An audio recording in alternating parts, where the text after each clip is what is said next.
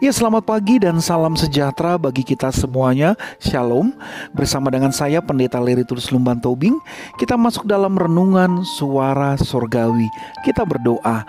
Bapak terima kasih untuk waktu dan kesempatan yang indah Pada pagi hari ini di mana kami boleh mensyukuri atas anugerah dan rahmat Yang boleh kami terima Lewat kehidupan baru yang Tuhan karuniakan Di dalam menjalani hari ini Biarlah kami membuka hati dan pikiran kami untuk diterangi dengan firman Tuhan, agar kami sungguh boleh diteguhkan dan dikuatkan di dalam menapaki hari-hari kami. Kami telah siap untuk kami membaca dan merenungkan firman-Mu. Hanya di dalam nama Tuhan Yesus, firman yang hidup kami sudah berdoa. Amin. Ya sahabat surgawi, tema yang akan kita renungkan pada saat ini ialah alas yang abadi. Kita akan membaca dari kitab Amsal 10 ayat yang ke-25. Firman Tuhan berkata, "Bila tofan melanda, lenyaplah orang fasik, tetapi orang benar adalah alas yang abadi." Sahabat surgawi, di sepanjang sejarah di muka bumi ini kerap terjadi bencana alam yang dapat memporak-porandakan permukaan bumi seperti badai atau topan yang adalah siklon tropis yang biasanya disertai dengan badai petir dan sirkulasi angin yang berlawanan arah. Dilansir dari majalah Hurricane, badai dikategorikan berdasarkan angin dengan menggunakan skala badai Saffir-Simpson dan terbagi dalam berbagai macam skala atau kategori.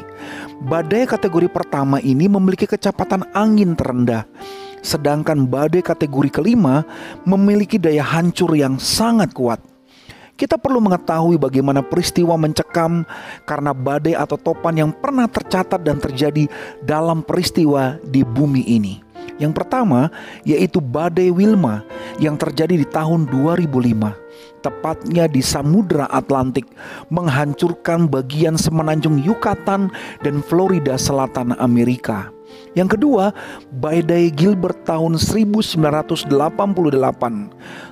topan tropis yang sangat kuat sehingga menyebabkan banyak kerusakan di daerah kepulauan Karibia, Meksiko, dan sebagian Texas Selatan pada musim topan Atlantik.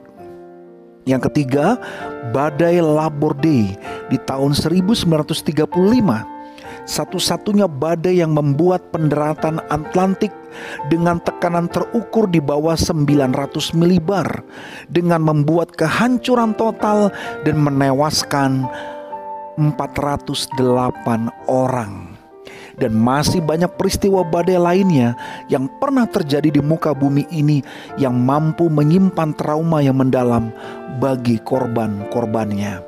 Sahabat surgawi, jika kita menelisik apa yang disampaikan oleh penulis Amsal dalam bacaan kita di Amsal 10 ayat 25 ini merupakan suatu analogi atau penggambaran tentang kebahagiaan orang benar. Apabila angin tofan datang di hidup manusia, maka akan memberikan kemalangan kepada orang jahat dan membinasakannya.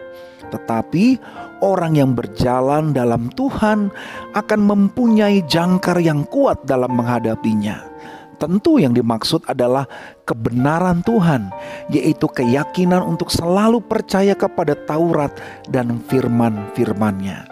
Sehingga situasi dalam hidup manusia tentu bisa berubah-ubah kapan saja.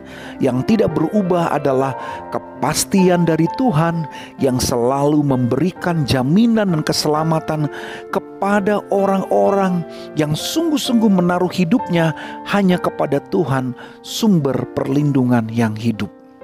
Tidak heran dikatakan oleh Amsal bahwa orang benar adalah alas yang abadi.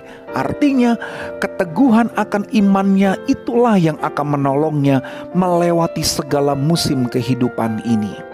Marilah kita bersama sahabat surgawi terus berjalan dan menggandeng erat tangan Tuhan yang akan mampu menolong kita melewati badai tofan kehidupan sehingga kita pun selamat dan bersyukur atasnya.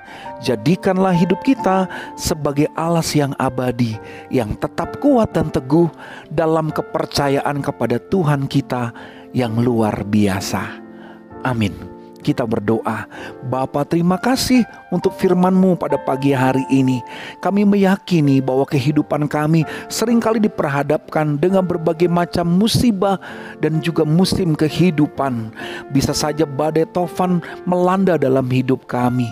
Tetapi kami percaya ketika kami boleh berjalan bersama dengan Tuhan, maka itu yang tidak membuat kami takut.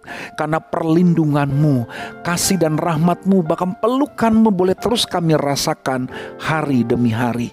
Tolonglah kami ya Tuhan yang boleh terus percaya dan juga menaruh kehidupan kami hanya kepada Tuhan.